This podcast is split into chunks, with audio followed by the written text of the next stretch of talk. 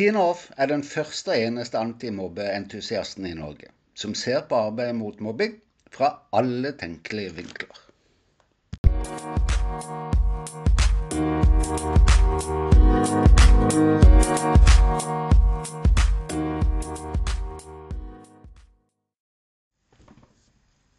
I dag stiller jeg spørsmålet Har vi gått i fella? Et langt svar, men det kommer. Kan det tenkes at vi hopper over noe når vi snakker om arbeidet mot mobbing? Vi snakker om viktigheten av å ta tak kjapt og sørge for mer treffsikkerhet, men hva skjer så? Jo, da lener jo nesten alle seg tilbake og venter på at det bare skal skje. Ikke helt sjeldent er jo situasjonen uavklart. Hva hvem har gjort med hvem, fortsatt usikkert. Og omfanget, altså hvor mange elever på hvilke trinn i hvilke klasser som er involvert i hvilke roller, det er jo enda ikke kjent. Hva da når mobbing er kjent? Arbeidet er satt i gang, saker registrert, og det jobbes hardt og intensivt over tid. Men likevel så melder altså elevene ifra om at flere enn noen gang opplever mobbing på skolen. Hvilke verktøy har vi da å ta i bruk? Det tenkte jeg vi kunne snakke om i dag. Klart det! Velkommen til ukens episode. Det skjer mye for tida, gjør det ikke? Ikke minst gjelder det tidenes høyeste mobbetall, som jeg har nevnt før, som møtes av et hav av forsøk på å bagatellisere og bortforklare elevenes svar på elevundersøkelsen om mobbing fra oss voksne. Vår reaksjon har nok sin rot i en voksen fortvilelse, vil jeg tro, men eh, her tipper jeg altså bare. Det rimer nemlig veldig godt med mekanismene som settes i gang, og som jeg møter i mobbesaker. Sånn når skolen ikke makter å gjenopprette situasjonen til eleven i sentrum, og sakene dermed ikke løses. Det verste vi gjør nå, det er å bli skråsikre. Fortelle omverdenen at vi har snakka direkte med klassene og elevene.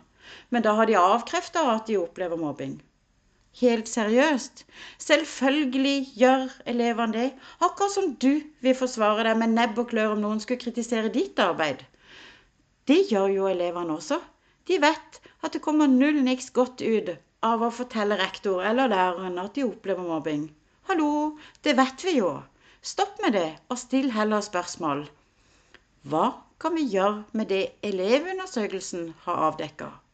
Hva gjør vi med klasse- og skolemiljøet på vårt på vår skole. Og hva kan jeg gjøre? Det jeg tror nemlig, er at det her tas altfor mange lite smarte valg for seg sjøl.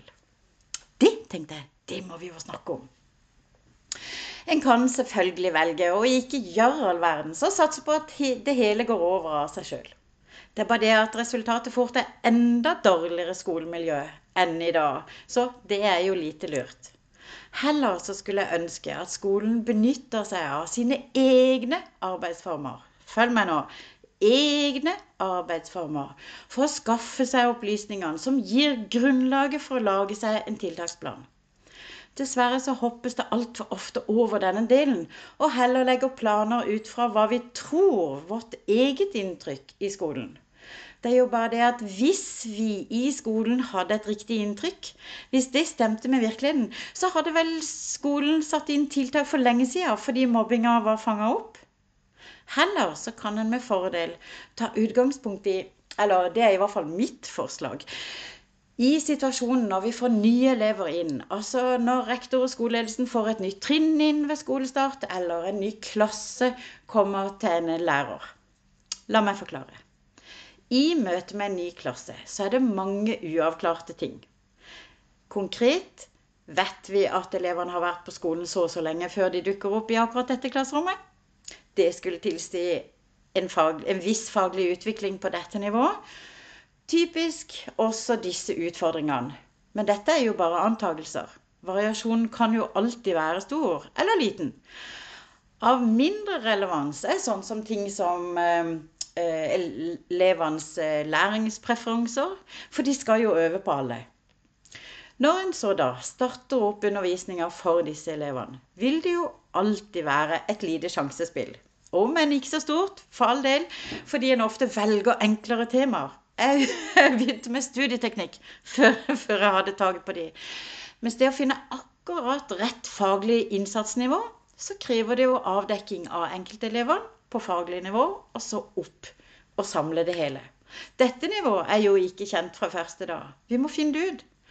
Hvordan og hvor kjapt en skaffer seg en slik informasjon, eller si oversikt, mener jeg, er jo opp til lærerne sjøl. Og her, folkens, er prosessen jeg tenker vi må gjenta. Om en mer, litt mer omfattende da, i møte med Elevundersøkelsens avdekking av elevenes opplevelse av mobbing på skolen her. Blir jo spørsmålet hvordan hver enkelt lærer gjennomfører sin avdekking av klassens faglige nivå og utfordringer. Det vet jo ikke jeg, da. så, så, da bruker jeg meg sjøl som eksempel i løsningen jeg foreslår, og håper det er greit. Jeg har aldri likt sjansespill veldig godt. Vil gjerne treffe meg i gang. Så mitt første skoledagopplegg har alltid hatt to konkrete mål for dagen. Det ene er å gjøre klar for bygging av klassekultur. Og det andre er å skaffe meg så mye informasjon fra hver enkelt elev som overhodet mulig. Jeg forsøkte altså å utnytte den muligheten som første skoledag byr på, med flere timer sammen med klassen jeg skulle ha. Klart det gir noen lange arbeidsdager de første dagene, men det er bare så verdt det. Og overskuddet det, det byldrer jo over fra starten av skoleåret. Det betød at da jeg gikk på jobb den tredje skoledagen, så hadde jeg et rimelig solid grep om hvordan klassen lå an. Hvilke utfordringer vi sto overfor, og dermed hvor lang eller kort vei vi hadde til mål dette skoleåret. Det er gull verdt. Før jeg nå prater meg helt bort om gevinster ved første skoledagsopplegg, så sier jeg bare at hvis du vil vite hva jeg gjør og hvordan, finner du link til opplegget i linken i kommentarfeltet under her. Jeg skal prøve å finne ut av det. Hvis ikke så legger jeg det på Instagram i linken oppe i bio. Så finner du det der. Første skoledag står det der. Hvorfor nevner jeg dette, tenker du kanskje. Overført til arbeid med klasse- og skolemiljøet så vil jo avdekkingen av elevenes opplevelse av mobbing på denne skolen kunne møtes litt som en ny klasse. Mobbing er kjent, men omfanget ukjent. Hvor kjapt kan vi finne ut hvilket omfang vi står overfor? Og i hvilken grad preger det skolemiljøet generelt? Akkurat som det å finne fram til klassens faglige nivå og utfordringer, vil det kreve avdekking av, en av den enkelte, ikke sant? Poenget mitt er nok ikke å gjøre prosessen verre enn den trenger å være. For all del. I den prosessen som jeg tenker på, så har du tre blikk. Det ene er hvordan kan vi gjøre noe? Altså gruppetenkning. Det andre er hva kan jeg gjøre? Som da går på hver og enkelt. Og det tredje det er hvilke behov har vi samla? Hvert av disse blikkene avklarer ulike områder. Hvordan vi kan gjøre noe, kan, kan gjøre noe med relasjonene i gruppene. Ikke sant? Hva jeg kan gjøre, handler jo om egenjustering. Og avdekking av hvilke behov vi som gruppe har, handler om hvilken støtte og drahjelp som trengs utover det den enkelte gruppen kan klare alene. Svarene gir konkrete oppgaver å jobbe med, både enkeltvis og i fellesskap en tilhører. Og da tenker jeg f.eks. på som elev i en klasse, lærer i et kollegium og rektor i ledergruppa osv. Det er imidlertid to menn jeg har lyst til å, å nevne her. For det første må foreldre også med i prosessen, for det handler om barn og unge. Ikke sant? Viktig informasjon kan gå skolen hus forbi uten å ta med foreldrene. Og foreldrene er jo også tilknytta eh, en gruppe, altså foreldregrupper, som som trenger refleksjon over, og, og de tre blikkene seg imellom. For det andre det handler om den enkeltes gruppes informasjon. Hva skjer med den? Akkurat som hvis en ikke sørger for sånn eh, på første skole, da, vet du. Sørger for at elevene fyller ut skjemaer eller produserer tekster første skoledag. Så vil jo kun den enkelte elev vite hvordan eleven sjøl ligger an faglig, og hvilke utfordringer den har. Men om en sørger for at skjemaene fylles ut, og det produseres tekster allerede første dag, vil jo jeg i lærerrollen kjapt sitte med informasjonen og kunne bli mer treffsikker langt kjappere å komme i gang med opplæringa på riktig innsatsnivå. Og for det tredje det tredje blikket, da. Hvilke behov gruppen har. Ikke sant? Jeg får den informasjonen jeg trenger på hvilke behov elevene har når det blir delt med meg, og dermed så vil jeg da få noe helt konkret å ta tak i. Ser du hva jeg mener? Og da tenker jeg Hele poenget mitt med å foreslå dette er fordi at jeg tror at sjansen trolig er langt større om vi tar utgangspunkt i prosesser og arbeidsformer som vi allerede kjenner til i skolen og har god erfaring med, faktisk. Det å møte nye elever, nye klasser og nye trinn er noe alle i skolen har erfaring med, og alle lærere og rektorer håndterer på sine måter. Klart det oppleves jo langt enklere å ta i bruk kjente arbeidsmetoder. Jeg tenker det også øker sjansen for at en får noe for skolen helt konkret, håndfast å ta tak i, og dermed gjør det mye mer overkommelig. Ja, kanskje til og med entusiastisk å jobbe videre med.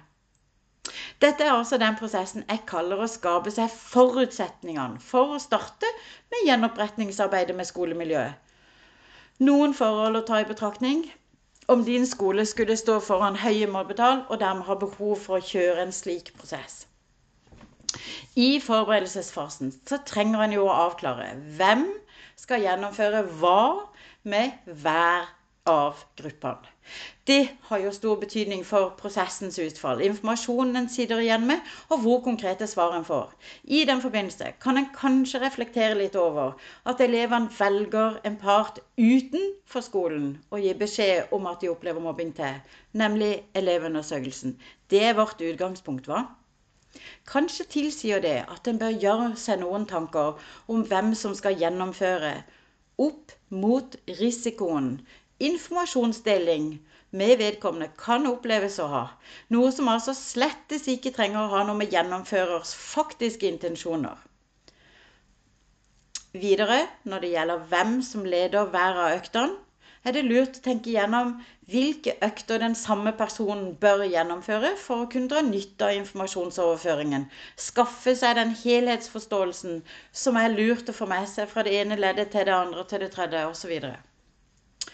Når det gjelder hva en fyller hver av øktene med, hvor mange økter med hvem, hva vil gi svarene en leter etter osv., altså selve opplegget, så tror jeg at jeg sier noe om det i en tidligere episode som heter Ta tempen.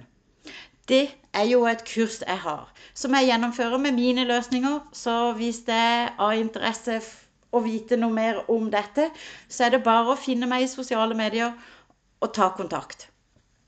Det siste forholdet jeg tenkte det kan være lurt å reflektere over før en setter i gang, det er sluttresultatet. Altså før hele prosessen setter i gang. Hva gjør vi når vi får de svarene vi får? Hvor er kanskje et langt mer nyttig spørreord, egentlig.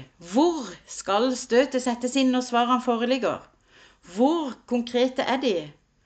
Klart hver gruppes svar sier noe om hva de trenger støtte og drahjelp til. I hvert fall hver gruppes opplevelse av på hvilke ulike områder.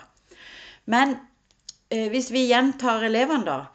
Hvor setter en inn støtet nesten uansett hva svarene er? Hva tar en i bruk for å justere miljøet? Håpløst, tenker du kanskje å si før en har satt i gang i det hele tatt. Overhodet ikke, tenker jeg undervisningsmetodene, folkens, og deres muligheter og sosiale funksjoner. Men det har altså en hel episode i seg sjøl, i hvert fall. Og hvis du lurer, så har jeg altså et kurs for det også. Så for å runde av og svare på spørsmålet i tittelen på denne episoden Har vi gått i fella? Har vi det? Har vi lytta for lenge på alle andre, være seg politikere, eksperter i gåsehud, og, og eller elever og andre forstår seg på det? Har vi glemt at vi faktisk har både den ene og den andre erfaringen, som også i denne situasjonen, de høye mobbetallene, kan være vel så brukbare som alle andres mange forslag? Ja, jeg tror det. For ingen snakker om å legge forutsetningene til rette for å gå i gang med gjenopprettingen av klasse- eller skolemiljø. Bare at det skal eller må skje. Og det nå. Da blir det noe ulne greier å ta tak i. Noe sånn uangripelig. Og da øker jo sjansen for at vi enten bommer eller ikke våger i det hele tatt å ta tak. Kan jeg få det til? Kan du og din skole, eller skolen der barnet ditt går, få det til også? Bombesikkert! Til slutt et bitte lite tips. Ta tak. Sørg for at skolen tar tak. Sørg for at man gjør grunnarbeidet først skaffer seg konkrete forbedringsområder gjennom prosessen, og gå så i gang. Har du hørt på meg før, vil du vite at alt en gruer seg til før en setter i gang, kan en løse ved å bryte egne gruerier. Da er det bare å lukke øynene, telle fem, fire, tre, to, én, og så gå i gang. God uke! Tusen takk for at du hører på podkasten. Syns du at du har fått nyttige tips, vil jeg at du tar et skjermbilde av akkurat denne episoden og deler i sosiale medier. Deler du, kan flere få de samme tipsene og komme videre i sitt arbeid mot mobbing. For barna, vet du. Husk å tenke meg da, så jeg kan få takka deg. Tusen takk.